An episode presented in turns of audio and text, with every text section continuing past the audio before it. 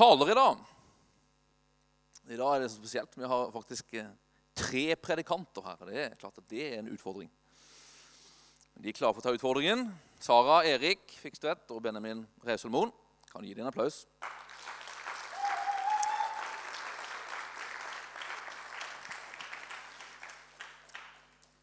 De, er, de, er, de, har fått en utfordring av meg, helt enkelt.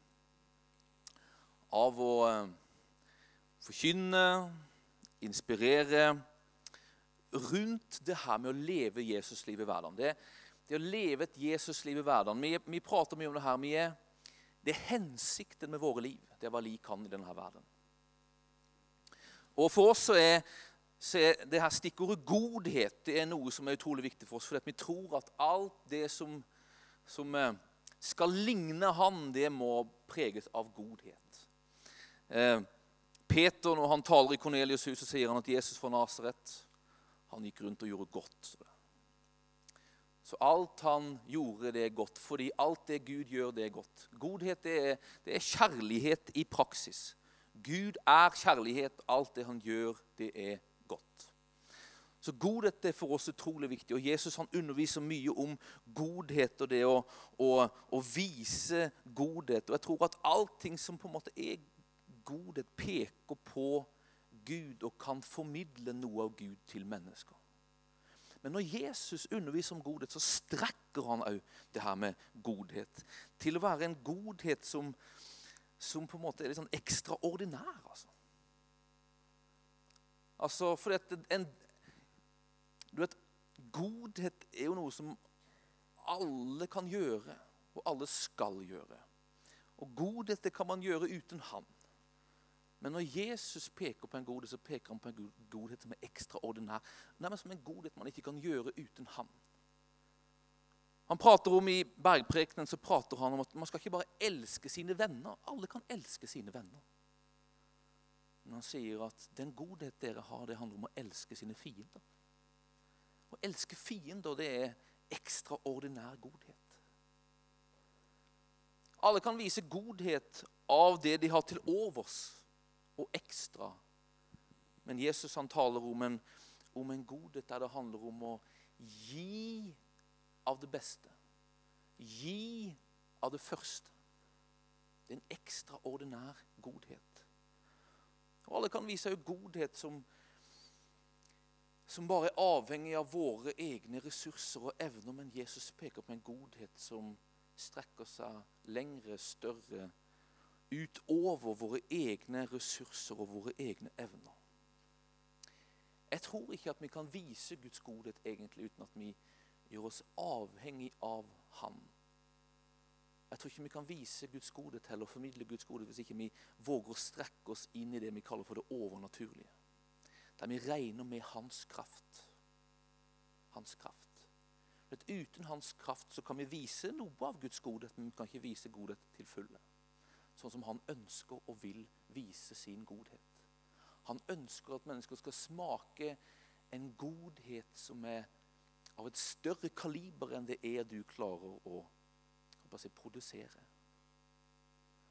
Jeg tror at han kan og vil gjøre det gjennom den minste lille ting, gjennom våre smil, gjennom våre tjenester, gjennom våre vennlighet.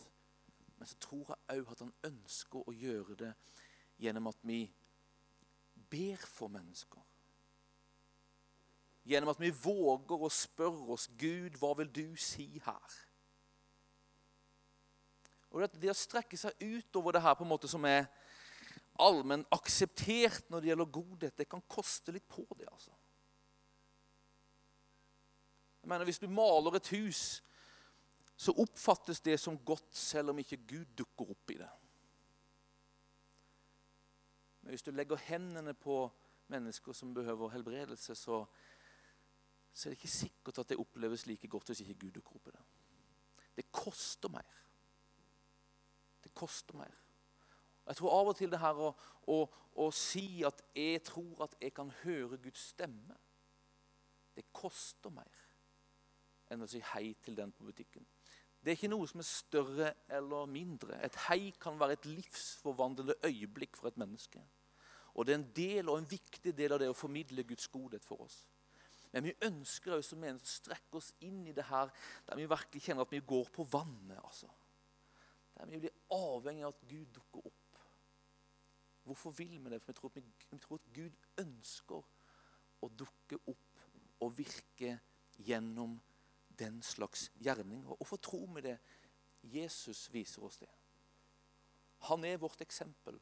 Og hvis vi skal leve Jesus liv, så er godheten vi ønsker å leve i, alt ifra på en måte praktisk hjelp, gode ord, en, en, en, en favn til mennesker.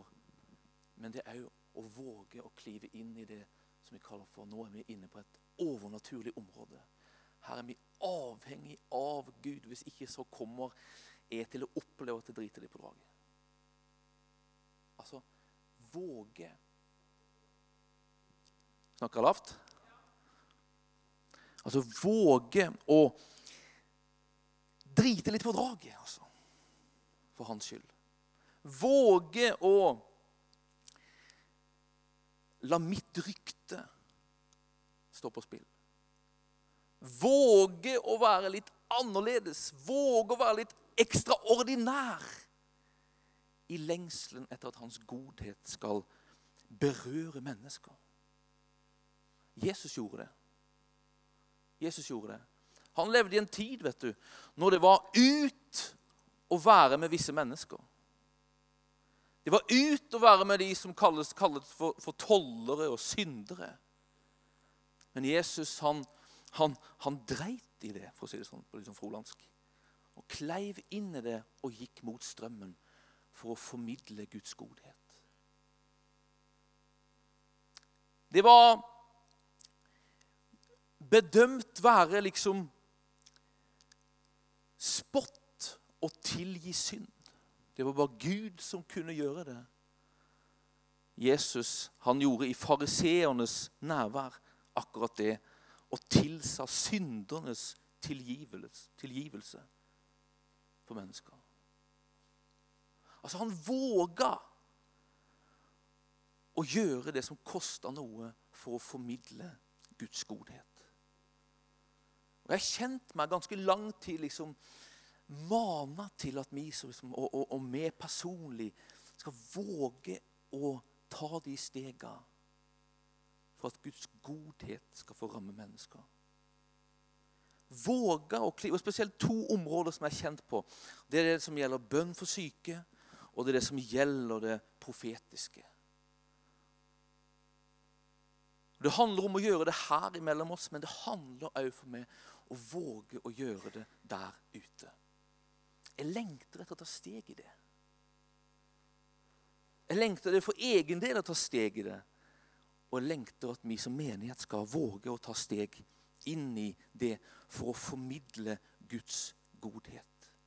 Å strekke oss etter, lengte etter, legge til rette for at Gud skal få berøre mennesker med sin kraft for at vi skal få erfare hans godhet. Jeg tror han ønsker å møte menneskers behov. Praktiske behov, fellesskapsbehov, men òg behovet av å kjenne seg sett av Gud. Og få erfare hans legedom og frihet i livet sine. Han ønsker å være virksom i denne bygda. Han ønsker å bli kjent i denne bygda for, god, god for å være en god Gud. Og Jeg tror at han utfordrer oss, vil sende oss for at vi skal være redskaper og kanaler for det. Så Jeg har kjent på det her at vi skal ta steg i det her. Legge til rette for og det å forkynne det for å skape tro. Du vet, Det å sette, liksom, få ting i bevegelse det handler om å forkynne det Peke på at det fins i Guds ord. Guds tanke og vilje handler om det. Guds ord taler om det. Og så handler det om vitnesbyrd, at det faktisk går å gjøre det. Og så handler det om å legge til rette for det ved å skape tilfeller for praksis i det. Og det her er liksom litt utgangspunktet til at jeg prater med Sara og Erik og Benjamin. For jeg vet at dette er et område de har tatt steg i og fått gjøre erfaringer i. Og Derfor så vil jeg lære av dem. Og håper du vil lære av dem sammen med meg. Så Derfor så har jeg invitert dem til, til, å preke, dele rundt det her. Det skal de få gjøre etter at lovsangen har fått lede oss i tilbedelse og lovsang en stund først. Og så kommer vi til å legge til rette for på praksis for å sammen få ta steg ut i det her. Så annenhver onsdag klokka fem så kommer vi til å samles her og så kommer vi til å gå ut og fortelle mennesker og be for mennesker og være åpne for at Gud ønsker å tale inn i menneskers liv for å vise seg som en Gud som er god gjennom våre liv. Så annenhver onsdag med start. Førstkommende onsdag så kommer vi til å gjøre det. Fantastisk lovsang. Oi, oi, oi. Den siste sangen som vi sang nå, 'Ditt nærvær er himmelen for meg', jeg må si det først før vi begynner. Det, jeg had, pleide å ha et lite problem med den sangen før. Fordi at eh, jeg, jeg, er ikke en sånn føler, egentlig. Jeg føler ikke så mye sånn, sånn manifestasjoner, da, på en måte. Når folk snakket om at 'da kjenner du nærværet', så ante jeg ikke hva folk snakket om. Uh, og det, Derfor plagte den sangen meg litt. Uh, og så i år, jeg, kort, lang historie kort, så innså jeg at uh, dette handler om tro. Det er kristentroen. Og Bibelen snakker så mye om tro at jeg innså at jeg hadde levd veldig sanselig egentlig.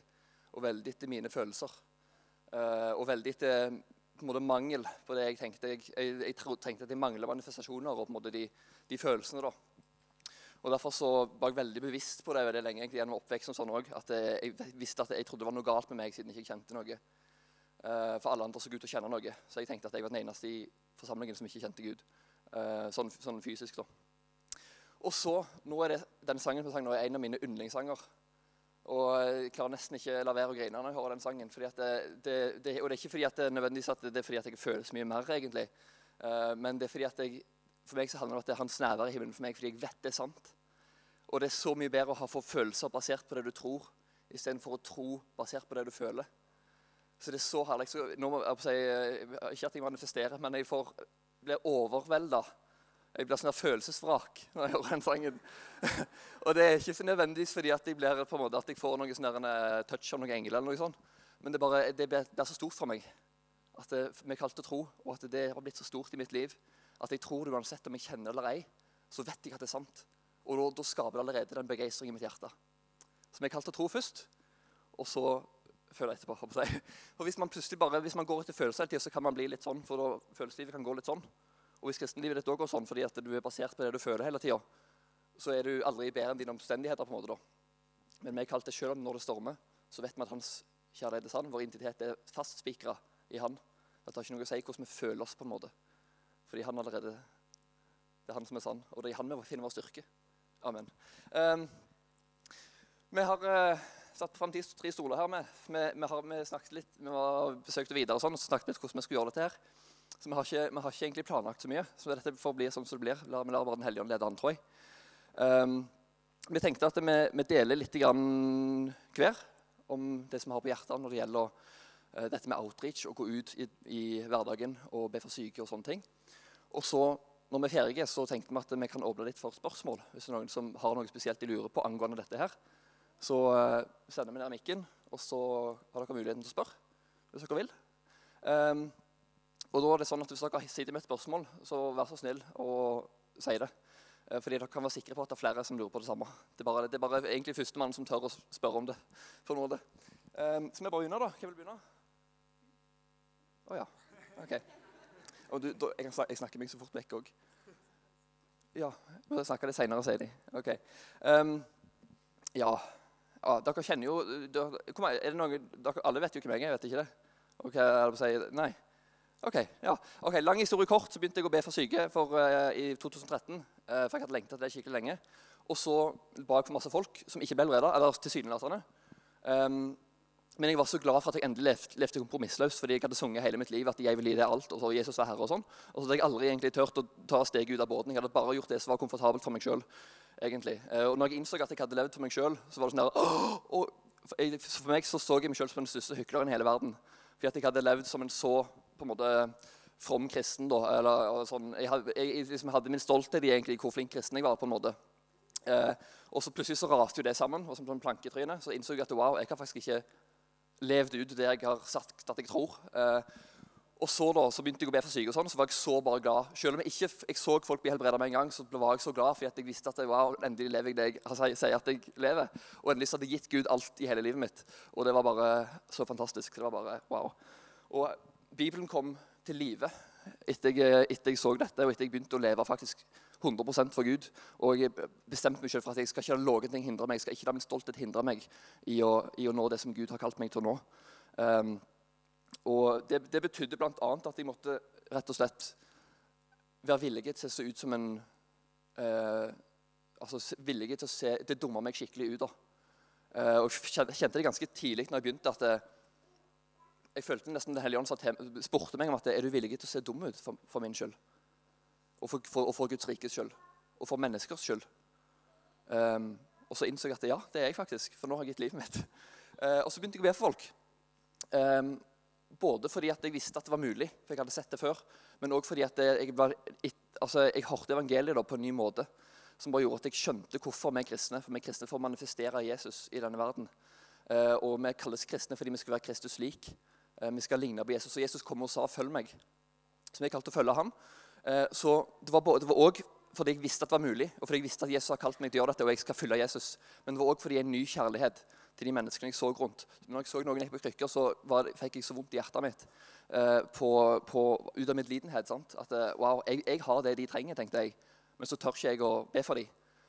Så var det en, en gang at Den hellige sa til meg gjennom en, gjennom en person faktisk, at, at, når du lar være å be for noen Du vet at du har lyst til å be for dem, du vet at du, du har det de trenger, men du lar være å be for dem fordi at du er redd for å se dum ut. Eller fordi at, på grunn av frykt. Da.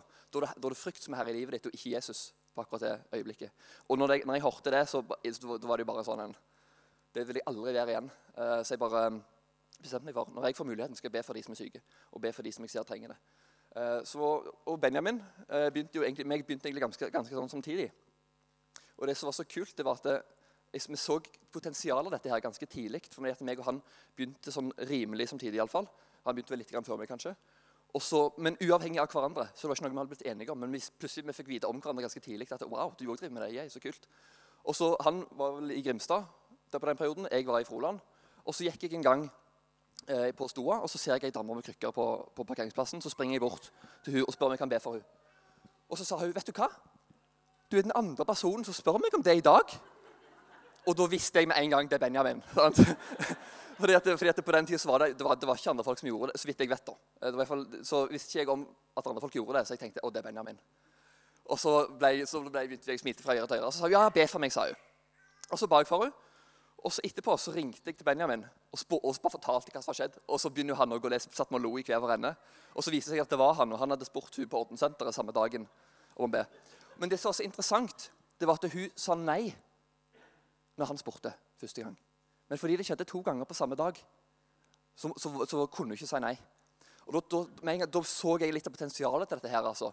Tenk hvis alle vi her som elsker Jesus, tør av og til å trå ut av vår egen, vår egen stolthet, våre egne, våre egne, unnskyldninger, og bare tør kanskje å være, ta risikoen av å se dum ut av og til for å berøre noen med kjærlighet og bare gi Jesus til dem. Hvordan ser det ut når til, til, og med de som sier nei altså til og med Hvis noen sier nei til deg, så er det ikke mislykka. Nettopp pga. det du hørte her. For hva skjer hvis når den, når den, andre personen kommer? og den andre personen kommer? Kan du være så hard i harehjertet du bare vil? Men, eh, men, eh, etter så så mange ganger, så til slutt så sier du bare ja ut av irritasjon. For du vil bare si at ja, jeg har prøvd det. Det virka ikke. Eller noe sånt. sant? Så til slutt så sier man bare ja. Altså, og det er så kult å se hvordan I Bibelen så står det at eh, noen sår, og noen vanner. Og det er Gud som bringer vekst. Så vår jobb er bare å, å så og vanne. Og så er det Gud som bringer vekst. Av og til så har vi blitt litt sånn metodestyrte. for vi har hatt lyst til å gå og evangelisere. Så må vi ha en sånn sjekkliste på baklomma. og sånn Først tar det gjennom det, og så forteller vi det, og så forteller vi det, og så skal vi få dem til å be bønnen vår. Altså frelsebønnen, da, sant? Men vi har overkomplisert ting, tror jeg. For Vi er kalt til å elske mennesker. som videre også sa. Det handler om kjærlighet. Det handler ikke om å manipulere dem til å bli med i menigheten. Eller manipulere dem til å, bli, til å be en frelsesbønn. For det er ikke frelsesbønn som frelser uansett. Det er det, vi må bli født på ny. Eh, men noen sår, og noen vanner, og Gud bringer vekst. Og Det har jeg sett så mange ganger òg, hvor jeg har bare bedt for noen, kanskje, og så møter jeg de seinere, og så er de frelst. Altså at ikke de var frelst før, men så er de frelst etterpå. Eller andre folk som, som jeg har bedt for, som jeg møter senere, så som har vært, de har vært kristne, liksom, og så plutselig er de skikkelig brennende kristne. Og jeg sier ikke at det er selvfølgelig bare på grunn av det jeg har gjort, men poenget er at det er noen sår og noen vanner. Og sånn er det jo når vi ber for folk òg. Folk har gjerne bedt i årevis av folk. sant? Så plutselig kommer det en og får bedt for noen, så blir de helbreda. Og grunnen til at de sa ja, var gjerne fordi at noen har sådd før. Ikke sant? Um, så, så det er bare sånn altså, det er, ikke noe, er ikke noe terskel. Det kan være så enkelt som at du sier du vet jo at Gud elsker deg. Eller, det kan være bare, eller bare at du sier noe, på jobb. Hvis noen du ser noen står og klager, liksom, annet, så bare spør om du kan be for dem. Og hvis de sier nei, så er det ikke mislykka. Og det er så viktig. Det har vi sett så mange ganger. Jeg tror, vi, jeg, tror jeg tar en pause der. Uh, noen av dere uh, skyter inn? Ja, det er litt artig, dette her. Ehm, jeg vet ikke om det er noen av dere som har prøvd å gå rundt og be for syke i egen kraft. Det har jeg gjort. Det funka dårlig. Men jeg skjønte rett og slett ikke ehm, helt greia med det nye livet. Så jeg har eh, Jeg vil ikke anbefale det å så gå rundt og prøve å presse på et eller annet helbredelsesopplegg, for det blir veldig kleint. Og så har man mest sannsynlig ikke freden med seg heller når man gjør det. Men det, Ja. Den hellige ånd er ekstremt eh, genial. Um, ja. Gud viste meg eh, da jeg bodde i Grimstad for noen år siden, at eh, det ikke er jeg som lever lenger sjøl. Jeg hadde ikke helt kobla den, den, kanskje den biten. Jeg tenkte at jeg lever, og så prøver jeg liksom å leve for Jesus i mitt liv. aktig. Jeg vet ikke om jeg er klar for det helt fram, men det er sånn at du dør, og så står du opp til et helt nytt liv, og det er i Jesus. Og det er veldig mye bedre premisser der. Du, for så får, kan du regne deg død til synd, som bare plutselig Oi, så trenger jeg ikke leve eh, i den derre eh, eh, fordømmelsesgreia. Å nei, nei, jeg kommer ikke til å, denne dagen kommer til å bli stress og vanskelig fordi jeg vet at jeg kommer til å synde, og så må jeg be om tilgivelse. Plutselig så tør man ikke å ha frimodighet engang framfor Gud fordi man føler seg fordømt. Så en skikkelig nøkkel i hele egentlig kristelivet det var å starte der Jesus slutta, og det var fullbrakt. Og så bare ho -ho. Og det er veldig digg plass å være, for da um, Da blir det den biten der som Erik snakker om, du liksom, er du villig til å gå i den situasjonen og, og gå hen og f.eks. si 'Jesus elsker deg', da blir ikke det så vanskelig når du er og jeg representerer Jesus istedenfor å representere deg sjøl. For da ja, da er det ikke så farlig om noen ser dum på du, for de ser egentlig ikke dum på du, men de ser dum på Jesus. da. Men ja, det er jo kanskje litt Men du skjønner, det handler, ikke, det handler hele tiden ikke om meg og meg, meg og mitt, men det handler om han, han og han. Og det er veldig mye lettere. Um, jeg kan jo si at hadde det ikke vært for Jesus, så hadde jo det ikke vært overhodet mulig å be for en eneste person. For jeg kunne ikke gått hen og for spurt Hei, du, jeg ser du har vondt i ryggen. Det, det gjør veldig vondt. Jeg ser virkelig at du stresser med å gå. liksom. Og så kan jeg få lov til å be for deg i Benjamin sitt navn. Jeg er ikke noen har prøvd på det, men det har i hvert fall ikke funka. For jeg har ikke tatt på meg verdens synd og ikke alle sykdommer og plager heller. Og egentlig, Jeg hadde en gøy demonstrasjon på dette her på, eh, på jobb på universitetet. For jeg jobba liksom som studentvakt i IT-skranker og jeg er bibliotekskanka der. Og da jobba jeg sammen med en muslim. Og vi kom stadig litt sånn i prat, for han visste jo at jeg ba for folk og sånn, og trodde på Jesus. Og så viste det at han hadde vondt i magen den dagen. Så sa jeg til han, da var jeg skikkelig sånn der, ok, hvis ikke du stiller opp nå, Jesus, så ser jeg veldig dum ut. Men jeg tok sjansen da. Så jeg sa til han, ok, nå skal vi sjekke. Eh, Er det Muhammed, Buddha eller Jesus navn som er kraft i? og så spurte jeg om jeg, kunne, om jeg kunne be i de forskjellige navnene, og at eh, han skulle bli god i magen. Ja, ja, det var han helt med på. Så jeg husker ikke hvilken jeg begynte på, men det var sikkert Muhammed. da. og Allah og eh, Buddha. Det funka ikke, han har fortsatt vondt. Og så sa jeg Jesus Jesu navn blir god i magen. Og så sa han etterpå, med en gang du begynte på navnet Jesus, bare kjente jeg boff, det forsvant.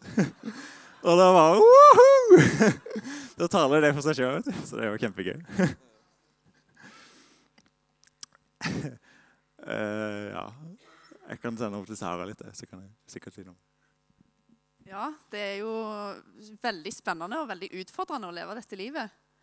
Um, en ting som jeg tror er veldig viktig, eller som er veldig viktig, det er jo å ha identiteten sin i orden. Uh, og vite hvem en er i Gud. Hvis ikke så blir det veldig strevsomt. Eh, vi kan aldri gjøre noe for å behage Gud mer, eller for at han skal bli mer glad i oss.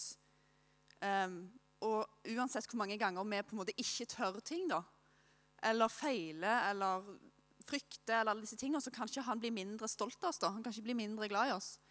Og det utgangspunktet er nødt til å ha hvis en skal drive med dette her.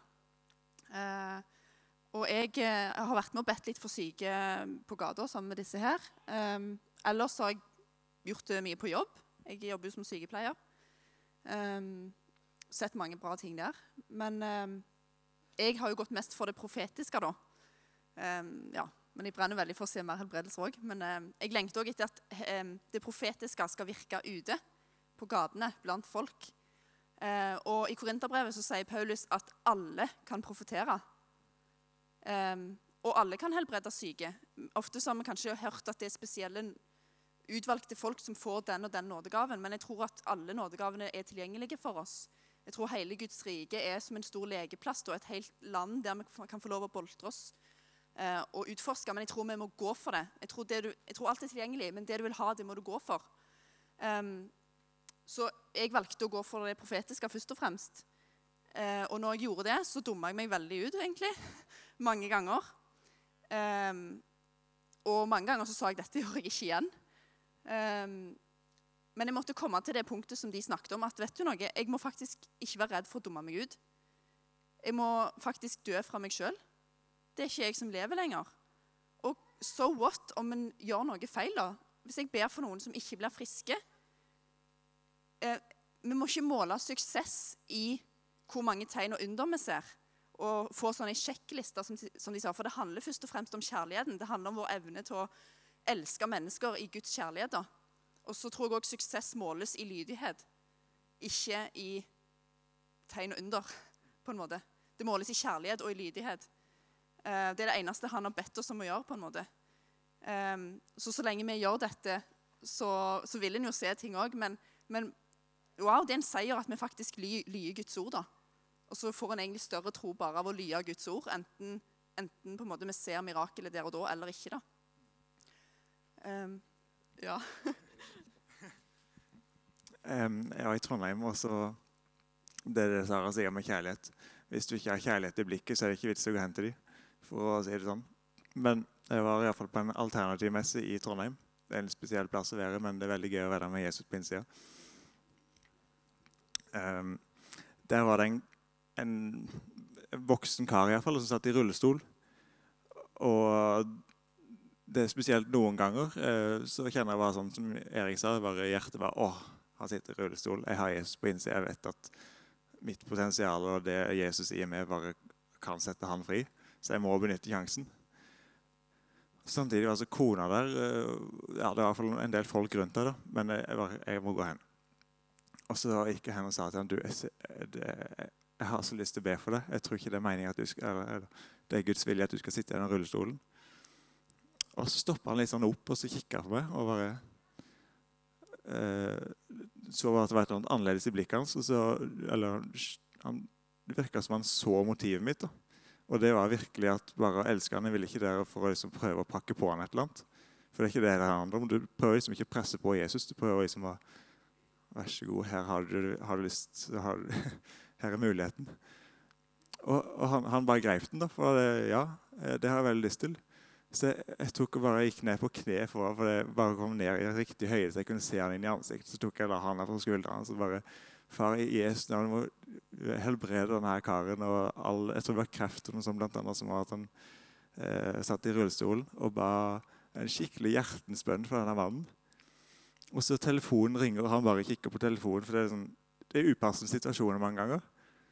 Og telef telefonen ringer, jeg ber, og jeg stopper liksom og ber og ser om han skal ta den her. Og bare nei, han legger på, for han, han ser, han ser lys i øynene mine.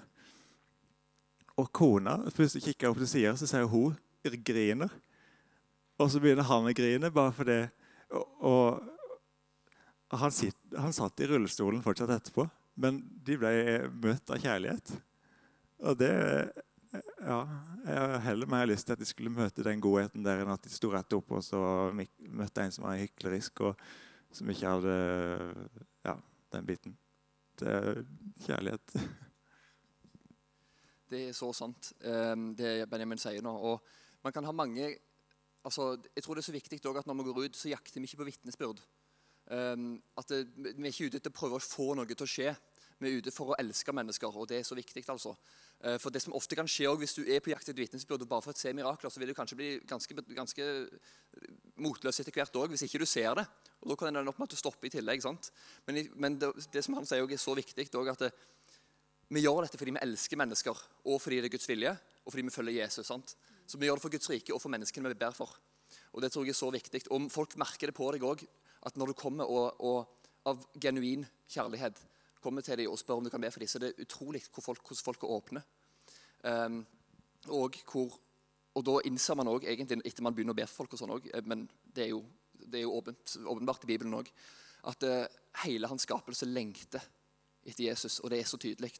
Det har ikke noe å si. Altså Folk med Tors hammer på, eh, med dødningshover altså Uansett folk, hvordan folk ser ut, da, så er det så utrolig hvor åpne de er bare for kjærlighet. For folk lengter etter kjærlighet. Jeg, hør, jeg hørte noen sa et bilde en gang, jeg husker ikke hvem det var, men hvis du går inn i en barnehage med en pakke med is, så trenger du ikke spørre hvem er det noen her som har lyst på is. Sant? For det er folk, folk er sånn. Men så, sånn er det egentlig. Folk lengter etter Gud. Selv om ikke de vet det engang, selv om ikke de innrømmer det, så er det så kult å se når folk som på, på utsida er så harde, på en måte varmer seg opp og kan begynne å, kan begynne å grine liksom, oppe på gata. Det er ganske utrolig. Og så er det så kult å se i forhold til til og med folk som sier nei. Det, jeg nevnte jo litt også, at det, det er ikke mislykka selv om folk sier nei. Eh, hvis, man, hvis, du ser på lignelsen med såmannen i Bibelen, eh, så legg merke til hvordan såmannen sår til og med der det er dårlig grunn. For Ofte vi så kan vi bli så opptatt av å finne den ene og ha hjerte for den ene. på en måte. Og Det er helt forståelig og helt greit hvis Gud har lagt en spesiell person på ditt hjerte, men vi kan fort gå forbi 100 000 mennesker eh, før vi treffer den ene som vi virkelig føler for. Eh, og som sagt, Det er ikke noe galt å, å, å ha noe spesielt for en person eller bli, få noen highlighter. Jeg får det hele tida. Men eh, det er så viktig at vi strør rundt oss, sånn som sommeren i Bibelen strør rundt seg. Eh, selv om det ser ut som det har grunn, og ser, ser ut som det ikke gjort noe, at det ikke skjer noe, da, tilsynelatende, så er det utrolig hvordan ting på en måte åpner seg opp hos folk. Selv om vi, så vi, vi må ikke være kjappe til å dømme om våre utvendige øyne på ting og tang. Og Det samme gjelder helbredelse hvor man ber for folk, kanskje, og så ser det ut som at ingenting har skjedd. Så må vi ikke være kjappe til å gi opp. på en måte. For først så kan man jo be igjen, da, og sånt. det gjør jeg jo ofte. Men av og til er vi litt kjappere til å tenke at åh, det virker ikke.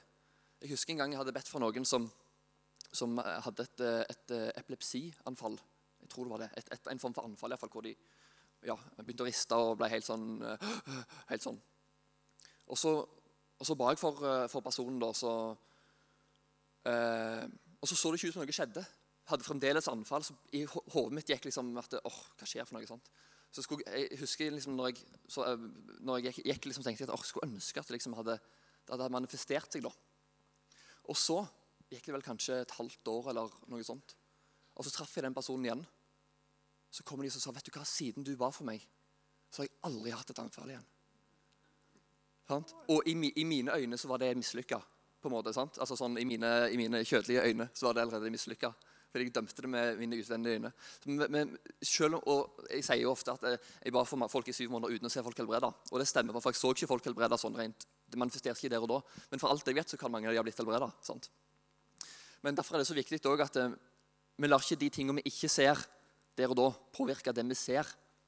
Så hvis du ser Guds vilje til å helbrede folk, så ikke la det bli stoppa av at du ber for tre personer, og så er det ingen som blir helbreda. Eh, jeg vet Benjamin òg gikk lenge, vi gikk kjempelenge og ba for folk. Og vi så, så tilsynelatende så skjedde det ganske lite, egentlig. Det hadde vært litt synd hvis, opp, hvis jeg er opp etter person nummer 50 og tenkte at jeg kanskje ikke har gaven. eller noe sånt. Sant? Det er så viktig at vi, at vi, og Derfor er det så viktig det handler også at vi dør til oss sjøl. At ikke det handler om oss lenger, men at det handler om Guds rike og det handler om de menneskene som vi elsker. Og til og med de som ikke blir helbreda helt, de setter så pris på det at det er helt merkelig å se. Jeg var i, jeg var i Sandnes i forrige uke, forrige søndag, eh, på en sånn konferanse der. Det var litt sånn der en outreach-konferanse, egentlig. Det handla om innhøstning og sånn. Og så etter, noen hadde talt, og jeg hadde talt, og sånn, så gikk vi ut, gikk vi ut i Sandnes for å be for folk. Så delte vi oss inn i, inn i, inn i grupper og sånn. Eh, og så skjedde det ikke noe sånn dramatiske helbredelser den dagen, egentlig, på noen av de gruppene vi var.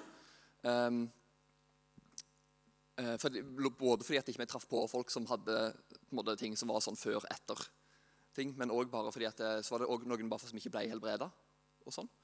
Uh, så det er ikke sånn at det, vi ser alle helbreda ennå. Men det er jo det som er målet vårt med sikte på Jesus. sant? Eh, så Derfor så må vi ikke bli, bli måte, tenke at vi jager etter de beste vitnesbyrd, og at vi blir på en måte motløse hvis ikke vi ser det. Um, men det skjedde noen ting som jeg kan dele egentlig som var ganske tøft. Fordi Vi gikk ut med en gruppe som ikke hadde gjort så mye av dette før. Noen hadde det, noen hadde ikke. Så var det ei jente der som var, hadde vært frelst i, siden april i år.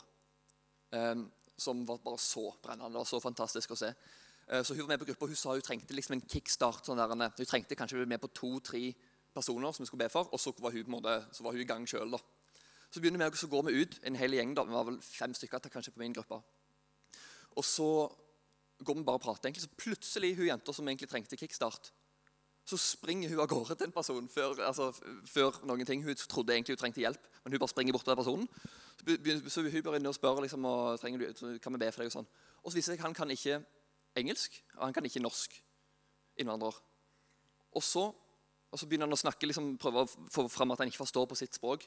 Og så viser det seg at hun jenta som jeg hadde med meg, hun sin far er fra Tyrkia, og han var fra Tyrkia. Så begynner de å snakke på tyrkisk, og det var jo så gudfeldig at, var at hun sprang bort til han. Og han, trengte på, han hadde problemer med hjertet, så vi fikk be for han. Men det var ikke sånn vi så noe for det var liksom, han kunne ikke føle noe. da. Um, og så, når vi ba for han, så så jeg i sidesynet mitt så ser jeg jenta som sitter på benken. Så Med en gang jeg ser henne, så tenker jeg skuldre. Eller hun har sikkert vondt i skulderen. var vel egentlig det jeg tenkte kanskje. Ofte er det sånn kunnskapsord kommer, kommer til meg, at det er bare en tanke. som høres, Det kan høres ut som meg. Eh, og det blir man mer vant med, på en måte, hva som er Guds stemme og hva som er din stemme. Men jeg vet at det var Guds stemme òg, fordi eh, med en gang jeg tenkte hun har sikkert vondt i skulderen. tenkte jeg. Så med en gang så kommer det en stemme som sier nei, det er bare du noe finner på. eh, det er sikkert han. Og hvis du hører en sånn stemme som begynner å krangle med deg, så, kan, så er det lurt å gå på det. Fordi at kjøttet ditt kommer til å kjempe mot deg hele tida. Både med følelser av at du føler at du plutselig har du ikke så lyst lenger. Kanskje du er skikkelig gira etter å ha sett en tale, eller noe, så går du ut, og så plutselig får stemninga vekke, og så er atmosfæren vekke, og så plutselig så er det litt sånn der eh, folk ler og har det gøy. og så plutselig så har du ikke så lyst likevel. Men da er det så viktig å ikke leve etter følelsene dine, men at du lever etter det du tror. Um, så jeg er borte og spør du, har du, har du noen problemer med skuldrene dine. Ja, det har du. Hvordan. Og så ser hun litt merkelig på meg, for det er litt, litt, så smiler hun da. Og så sier jeg ja, er det venstre skulder, spurte jeg. Ja, det var det. For hun spilte visst fiolin da, eh, og hadde vondt i venstre skulder. Så vi fikk bedt for hun, men så var det sånn som kom og går. Sånn smerter som kom og går, så det var ikke sånn vi kunne sjekke. Men, så det var ikke noen sånne store store ting som skjedde, sånn sett, men vi fikk gode samtaler med folk. Eh, til og med de som ikke hadde vondt noe sted, fikk vi delt litt av våre vitnesbyrd. Eh, og fortalt litt om evangeliet til dem. Så selv om ikke de, de er ikke nødt til å ha vondt da, for at du trenger å snakke med dem, på en måte. det er jo litt viktig å vite. At det, det, det er ikke liksom, å, har du, har du, for ofte Min approach ofte til folk litt, får dere er litt sånn praktisk her. Hvis jeg går opp til en ungdomsgjeng, så spør jeg gjerne hei, vil dere se noe kult. Og så tenker de ja, det vil vi, liksom. Så tror de jeg skal ta liksom, et korttriks eller noe sånt. Og så spør jeg hvem av dere har vondt noe sted.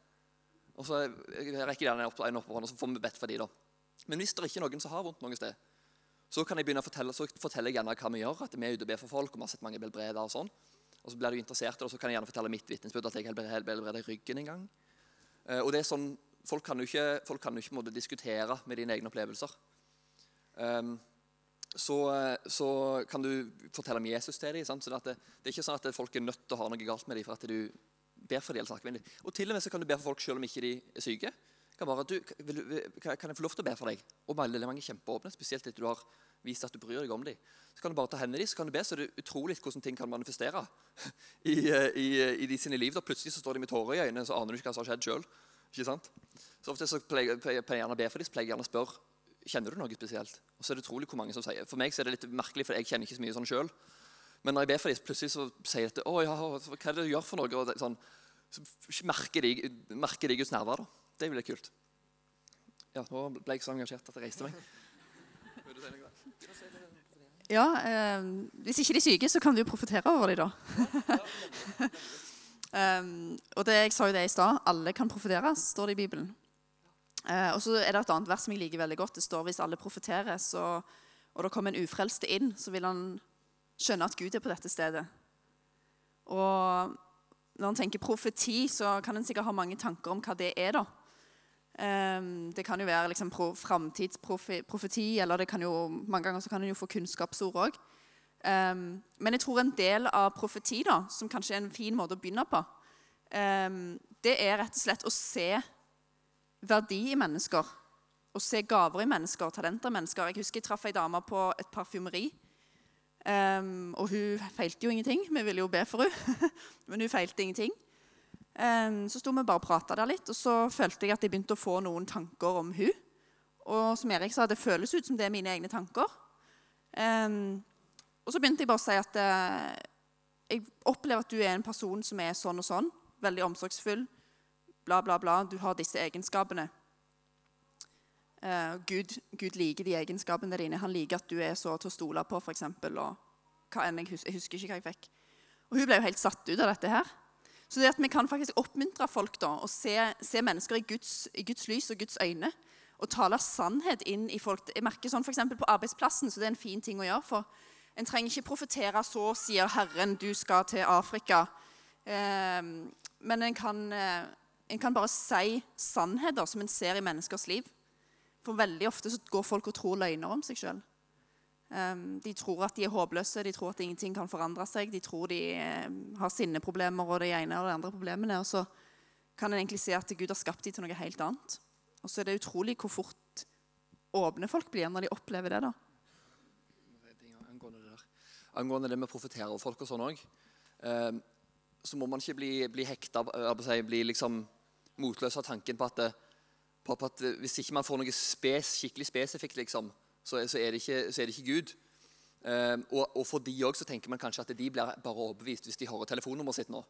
På måte, altså, mener, altså for, ofte så blir vi så analytiske og sånn at vi overkompliserer hele tingen. at det, De trenger ikke nødvendigvis høre liksom, noe sånn spesifikt, at de får adressen sin og ikke sant, din mor heter det og sånn.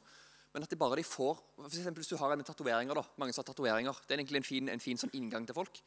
Det, det her er jo bare um, dere, dere, prøver altså, vi, vi, prøver ikke å bli låst til metoder. ikke sant? Så det er ikke noen sånn, en metode hele tida. Men det er greit, greit, å ha noen verktøy da, i verktøyboksen som går an å dra, ut av og til. Men sånn som jeg har egentlig vært, jeg har egentlig ganske kleine sånne approaches av og til. altså Ganske kleine måter å, å komme i kontakt med folk. Eh, altså, så, så vi, må bare, vi, må bare, komme over oss sjøl på noen ting. At ikke det handler om oss. sant? At ikke det handler om at vi skal se så bra ut. og sånn. For det var et av mine største problemer. Jeg så på meg selv som liksom, eller jeg tenkte at, det, at min, eh, jeg skulle liksom være en flink kristen, snill gutt sant? og så videre. Eh, men når jeg plutselig kjente det, at det her stoltheten bare ramla av meg, når jeg gjorde dette, så betydde det ikke så mye lenger hvordan du kom opp til folk. For du kan stå og diskutere med deg selv i fem minutter. da. Hvordan skal du best mulig, Hva, hva er best måte å komme fram her? Mens egentlig er det bare lurt å komme Hei, du, kan jeg spørre deg et uvanlig spørsmål? Kanskje. Eller sånn, man, man, man trenger ikke ha en spesiell metode hver gang. da. Men det er noen ting som er lure. For eksempel, som, hvis det er en som har tatoveringer, for eksempel, så går det an å gå bort og si um, Jeg gjorde dette iallfall en gang. At 'Hei, du, kan jeg se tatoveringene dine?' spurte jeg. Og, det, og de var kule. sant? Jeg, du, jeg, jeg, bare, bare, jeg, bare, kjenner at du er en sånn person som liker å uttrykke deg. Veldig mye sånn som Du uttrykker det gjennom sånn, og du er en person som liker litt sånn uvanlige, uvanlige ting. Du liker å stå ut fra mengden litt. Og sånn. Og så han bare ja. Er og det, var ikke noe, det er ikke noe som kanskje altså, det er mange som kunne kommet fram til den konklusjonen. sant? På en måte. Så det trenger ikke være sånn spesifikt da, for at det er profetering. da. Så Han trenger ikke være overbevist Guds eksistens etterpå. Men for han så var det en positiv opplevelse. sant? At en kristen kom bort og sa det, så fikk jeg bedt for han. Han feilte ikke noe. Han kjente ikke noe. Men uansett så er det en positiv opplevelse. Noen sår og noen vanner, så er det Gud som bringer vekst. Så man trenger ikke bli, liksom, eh, bli så redde for å prøve å gi et ord. Selv om kanskje det er veldig vagt og kanskje det passer til veldig mange. Så er det bare, det mer man gjør det, vil man merke også hvilken stemme som er fra Gud, og hvilken stemme som ikke er fra Gud. Det merka jeg hos meg, hos meg sjøl òg. At sånn som hun med skuldrene var jeg egentlig ganske sikker på. Fordi jeg har prøvd å feile før. Sant? Så av og til kan det, kan det være lurt å bare nesten bare se på en person og så spørre Gud hva vil du si til den personen, eller hva, hva, hva, jeg, hva vil du si meg om den personen. Så kan du bare gå og gjette, egentlig. Så, ikke sant? så ble, ble, kommer han til å bli mer lydhør òg, da. Så det er viktig. jeg leste en litt gøy ting i LS Vers i dag. Og der står det at eh, Jesus Han eh, fornedrer seg sjøl og blir menneskelik. Og det som er kult, det er på en måte en motsatt uh, ligning der for oss. Vi gir avkall på vårt, og så blir vi Kristus-lik. Den er fin. Jeg bare tenkte å ta den som en sånn uh, side note. den er så bra. Ja, evangeliet. Hvis, hvis, evangeliet er bra, så er det mest sannsynlig ikke evangeliet. Men hvis det er ekstremt utrolig latterlig bra, så er det nok evangeliet. men um, hvis folk uh, hvis alle sammen her hadde gått eksempel, eh, ja, la oss si i løpet av uka gått hen til noen, så er det sikkert og spurt f.eks. en de så som var syk, og, om vi bedt for dem, så kan det godt være at noen har kommet tilbake og sagt ja, den personen ble helbreda, men, men så har kanskje noen sagt det ikke ble helbreda. Men det som er så fascinerende med den menneskelige naturen. De ser bare på de negative tingene, at de ble ikke helbreda, og så putter man fokus på det. Mens istedenfor så har man det potensialet. Å, den ble ikke helbreda, men jeg vet at det er alltid Jesus' vilje at alle skal bli helbreda. Så derfor kan man egentlig snu den greia at oi, da har jeg enda mer å strekke meg mot, og så bare gå enda på enda en, og så enda en enda en, enda en. Så blir det egentlig sånn skattejaktopplegg. Og en annen gøy ting.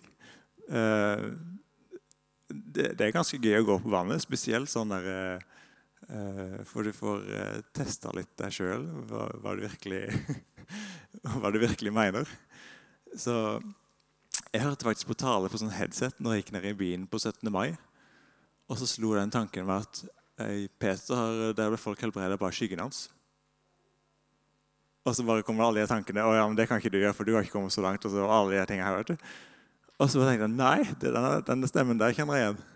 Det, nå skal jeg bare gå bare på trass på den stemmen. at Nå skal jeg gå hen til en person så skal jeg si dette her at uh, Du, har du hørt om uh, at folk ble helbreda, at bare skyggen til Peter uh, traff dem fordi Jesus bodde på innsida? Liksom. Så tenkte jeg ja, det skal jeg gjøre. Så så jeg tre stykker som sto der henne, og en av dem hadde ikke på krykker. Og så tenkte jeg ja, perfekt. Da går jeg hen til dem. Skikkelig sånn der Nå skal jeg ikke representere meg sjøl i det hele tatt. Og det verste var at de her var jo helt med på denne her ideen. Så bommert, der må jeg fullføre nå.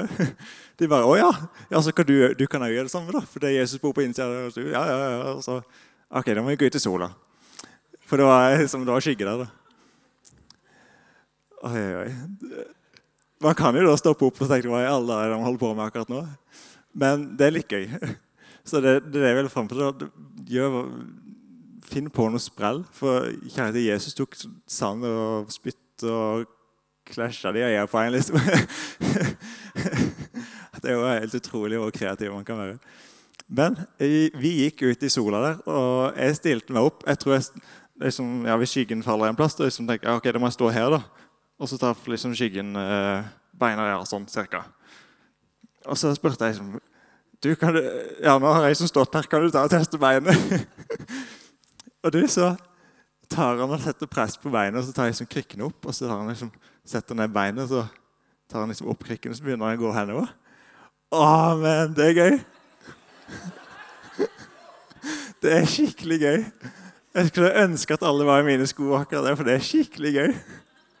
Du, jeg ble så gira sjøl. Jeg, jeg, vet ikke om jeg klarer å uttrykke det for dem, men jeg bare, ja, jeg sa sikkert dette. Ja, se, Gud elsker dere. Det var kjempelett etterpå. vet du. Men iallfall så traff jeg noen kjentfolk etterpå som vi var i familiebibelgruppe med. Og jeg fortalte denne storyen til dem at jeg var helt i hundre. Og så kommer det en til på krykka som står tilfeldigvis rett på sida mens jeg forteller denne storyen. Så sa jeg bare Se nå, nå skal jeg gjøre det igjen. da har jo frimodigheten vokst Det dit opp, vet du. Og det samme med han. Han ble helbredet bare for liksom det Det er jo ikke skyggen min, men det er bare for Den hellige ånd og jeg er så utrolig trofast og bare har lyst til å peke på Jesus i alle ting. Og, ja. Så, så ja. Eh, veldig gøy. Man kan gjøre det veldig gøy. og det blir ofte gøyest hvis man tør å ta de der stegene som man egentlig ikke burde gjøre. For eh, hvis evangeliet funker det det ikke bør gjøre, da blir det plutselig veldig gøy å være det det ikke bør funke, og gjøre det. F.eks. på HV-festivalen. Der var det veldig gøy å være. For der var det veldig mange folk som tenkte at dette her med Jesus det har ikke jeg så veldig mye med å gjøre. Men plutselig så var det operasjon etter operasjon som ikke hadde funka for en i beinet. Og så bare kommer det en sånn frimodighet over ja, det legen ikke har fått til. Se nå, det skal Jesus skje på to sekunder. I Jesu navn, vær frisk. Så og går hen på bein nå. Så går han henover og så bare kjenner han ingenting og løper inn i hele leiren og sier 'Jesus har helbreda meg'. oi, oi, oi. Så ja. Det er, kjempe, det, er, det er virkelig gøy hvis man tør å bare parkere totalt Benjamin og så bare leve for noe som er så mye større enn Benjamin, og det er Jesus. Ja, jeg vil bare si det. Ja, men Det er så bra. Det, det, er veldig mye kule og gøye vitnesbyrd som finnes altså, på, på, på, sånne ting generelt òg. Jeg må ha hatt folk som, Når vi har bedt folk i byen, så har de kjørt rundt i bilen med, dør, med vinduene åpne og ropt, ropt Jesus. Og uh, 'Jesus elsker deg' til folk har de altså, kjørt rundt i byen og sagt liksom, etter de har blitt helbreda. Helt sånn ville, sånne reaksjoner som ikke du forventer av en kristen, men som du forventer av en, av en, av en som er ikke-kristen, men som har opplevd Gud for første gang. Så, liksom Sånne ting som, som kanskje vi holder oss litt for fromme til å gjøre sjøl. Sånn gjør de. Kjører rundt med vinduene nede og forteller hva Jesus har gjort. Det er ganske, ganske kule ting. Um, vi, vi, skal åpne oss for spørsmål, tenkte vi. Er det noen som har spørsmål? Nei. Uh, uh, uh, hvis dere får tenke litt, hvis dere skal bare, bare, tenk på om dere har noen spørsmål. Da. Så bare nevne noen ting for dere. Eh, tre ting som ikke eh, er bra i Guds rike, eh, og som vi ikke er kalt til. Det er sammenligning med hverandre, konkurranse og fordømmelse. Eh, så vi, vi, skal ikke sammenligne oss med hverandre. Dette handler ikke om å få, de beste storyene. egentlig, sant?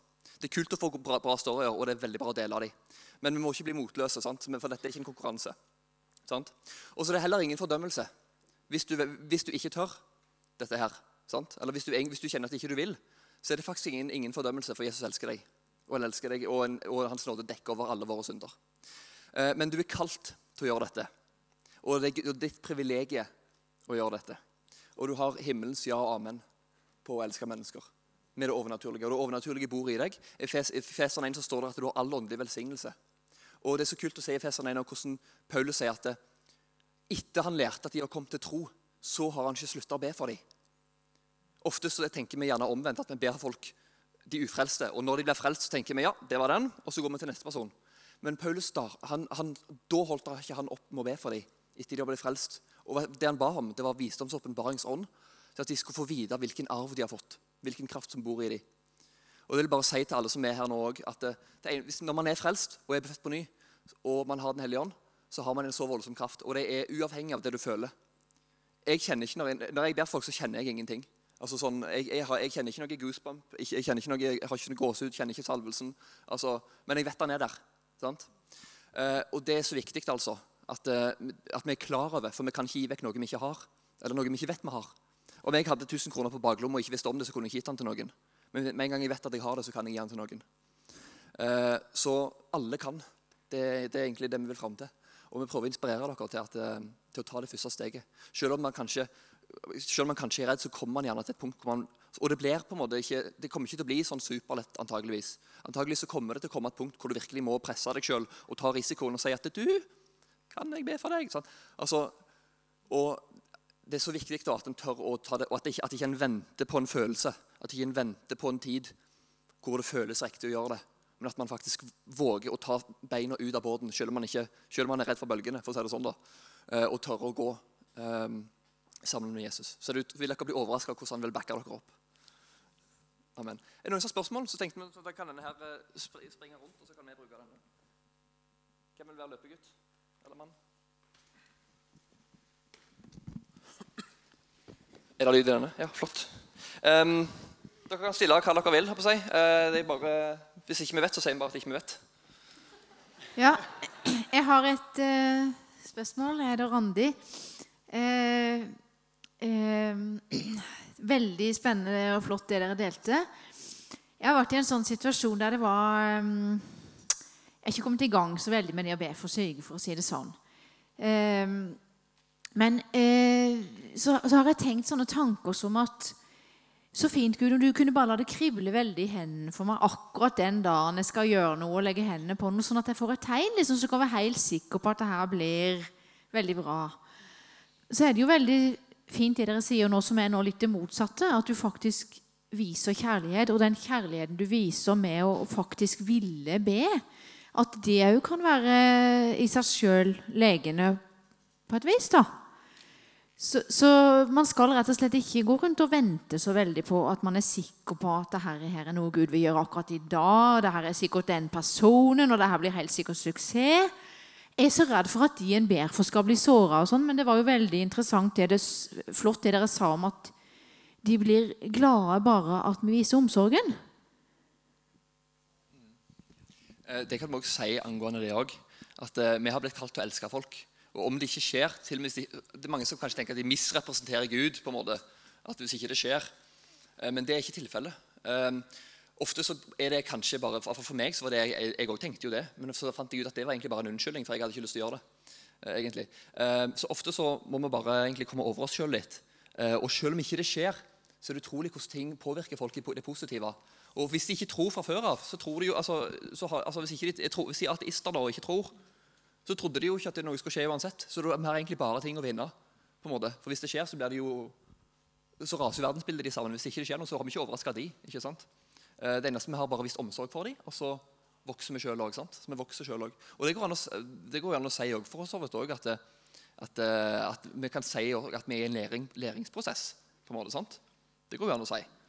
Eh, det husker jeg jeg har sagt til personen som jeg skulle ønske ble helbreda, men så så jeg ikke noe skje akkurat der. Og så sa jeg at jeg har akkurat begynt liksom, sant? å lære dette her. Og vet at det er mulig. Og, og jeg vet at Jesus elsker deg. sant? Så, altså, og, og, det krever jo litt at vi dør for oss sjøl. For da plutselig så er det liksom at vi må liksom si at eh, vi må ydmyke oss sjøl litt og si at eh, jeg kan, jeg kan, ikke alt, men jeg vet at Jesus elsker deg. Jeg vet at det er Guds vilje at du skal være helbreda. Så ja. Jeg tenkte på det du sa med å vente på den der følelsen. Um, den hellige ånd bor jo i deg. Uh, og I Bibelen så er det Guds vilje at alle blir helbreda. Alle skal møte Gud. Gud, altså, Gud lengter jo etter mennesker. Så for oss å gå og vente på at han liksom Ja, akkurat den personen akkurat i dag er det greit at du møter de, liksom. Altså, Jesus sa 'gå ut', han. Han har sagt ja, og amen. Han har sagt 'disse tegn skal følge de som tror'. Og Han sa til og med at vi skal gjøre større ting enn det han sagt. Så han har på en måte allerede sagt et stort ja, liksom. Et stort bare gå. Um, så jeg, jeg tror ikke, jeg, altså, Vi må forstå det at um, Gud allerede har sagt så stort ja han kan. da.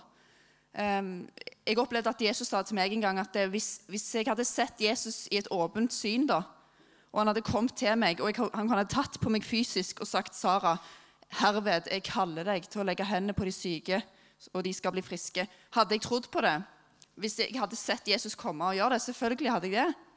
Så, så sa Jesus men jeg har sagt det til deg. For mitt ord er levende. Jeg er Guds ord. Så han har allerede faktisk gjort det til oss. da. Så han har allerede gitt oss det største ja som, som går an å gi. på en måte.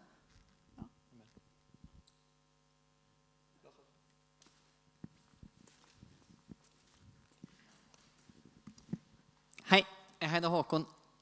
Eh, jeg syns um, det hadde vært litt interessant å spørre um, rundt det Benjamin sa om at det var forskjell på når han ba som Benja, altså i egen kraft og i Guds kraft. Og så tenk, hvordan, hvordan så det ut før og etter at du på en måte ikke gjorde det på egen hånd lenger?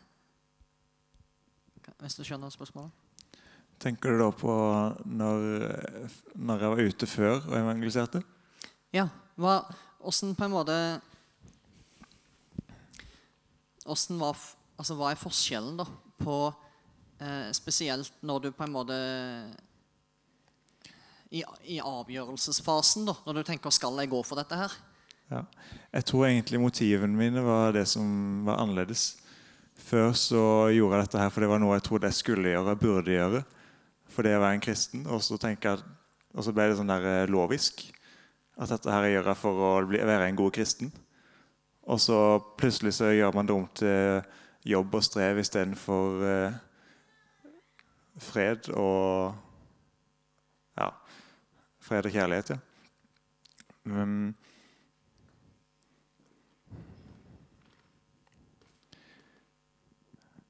ja. Man må det er helt essensielt for en kristen å vite det at man begynner der Jesus avslutta, det var fullbrakt. Hvis man ikke har den biten, så kommer det til å komme til kort. Og det er helt umulig å møte mennesker med den, med den kjærligheten som man er vokst opp med i den menneskelige naturen. Man kom, man, det går ikke an å se verdien i mennesker uten å vite hvor høyt Jesus elsker deg sjøl. Så hvis man ikke har det bildet klart, at Gud elsker meg så mye, så at jeg kan elske de naboen som meg sjøl, det går ikke. Det er håpløst. Det, det er derfor Jesus sier til Nikodemus, eller hva han heter, alle må bli født på ny. Må dø for den gamle naturen, for den er ikke lenger kjærlighet. Det var noe som døde i, i hagen. Jesus sa at hvis jeg spiser den frukten, skal jeg dø. Men mennesker dør ikke, men eh, det var noe som døde. Og det var Guds bilde i mennesket. Og det er kjærlighet. Vi dør fra kjærligheten. Vi, vi er døde fra hele kilden. Så derfor må vi bli født på ny. Du må putte av det gamle, putte på det nye, ikledd av Kristus i den nye kjærligheten. Og da kan man se mennesker og jeg kan jo si det sånn, Hvis jeg er ute og så føler at dette her blir strevet, så stopper jeg så setter meg ned på en benk. F.eks. på et handlesenter. Eller kikker over rekkverket så begynner jeg å kikke på folk. Og så bare Gud, jeg vet at de her mennesker er verdifulle for deg. Hva har du for dem? Hva tenker du om den personen? Hva tenker du om den personen? Plutselig bare Å, Gud, du elsker dem så mye. Og så er man bare klar til å gå. Fordi man ser de samme tingene som Gud gjør. Vi kan få ett spørsmål til.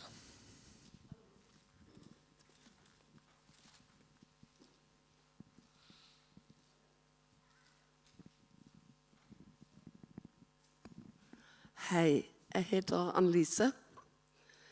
Og så må jeg fortelle at jeg har vært en del ute på gata. Og vært på kjøpesenter litt rundt forbi og bedt for syke. Eh, når jeg går ut, så pleier jeg å si til vedkommende jeg treffer. Så ser jeg kanskje at det er noen som er litt syke. Så sier jeg 'Er du syk?' Ja, så, så forteller de litt. Sier 'Kan jeg få lov til å legge hånda på det?' Så legger jeg hånda, og så ber jeg til Jesus. Og så spør de etterpå 'Hva var dette for noe? Har du varme hender?' 'Nei, det er Jesus', sier jeg. Det er Jesus som helbreder. Og Derfor har jeg lov til å vitne om Jesus. Og jeg har opplevd så mange som er blitt friske pga. det. Amen. Amen. Så kult å høre. Jeg må bare si en liten ting angående det med varme hender. Jeg har, jeg har egentlig ganske kalde hender. egentlig. Har, vår familie har litt sånn kalde hender. Og så, og så var jeg, så var jeg på, på, jobben min på Biltema, og så var det ei som klagde hadde vondt i ryggen, så ba jeg for henne. Og så, og så sa hun Å, menn, og varm du var på hendene!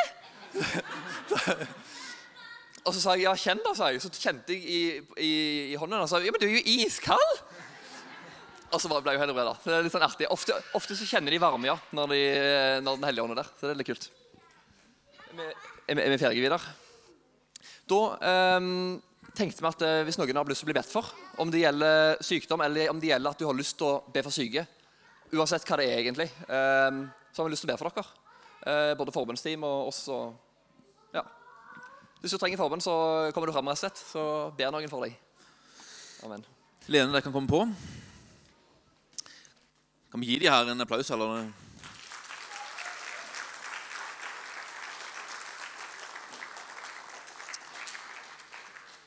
Det er altså, Jeg er glad i den unge generasjonen, altså. Den unge generasjonen har noe av det her liksom, litt sånn fryktløse.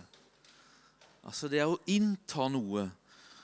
Eh, og jeg tror at dette er noe som Gud ønsker at vi sammen skal ta steg inn i. Altså, jeg har kjent virkelig på det. Altså, de her to områdene med det profetiske og det med helbredelse. Jeg tror at det er sånne områder som jeg tror at Gud ønsker at skal prege det vi gjør som menighet. altså. Skal prege den godheten som vi ønsker skal bli kjent i denne bygda og i denne verden gjennom våre liv.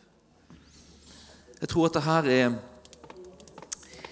det her er det Jesus gjorde. Og jeg tror at det er en kallelse på våre liv. Jeg kjenner jeg utfordra altså, i det her. Å ta de her stegene. Så jeg håper du vil eh, være med oss i å ta de her som stega ut i, ut der ute. Ute i det litt skumle. Annenhver onsdag klokka fem treffes vi her. Med begynnelse førstkommende onsdag.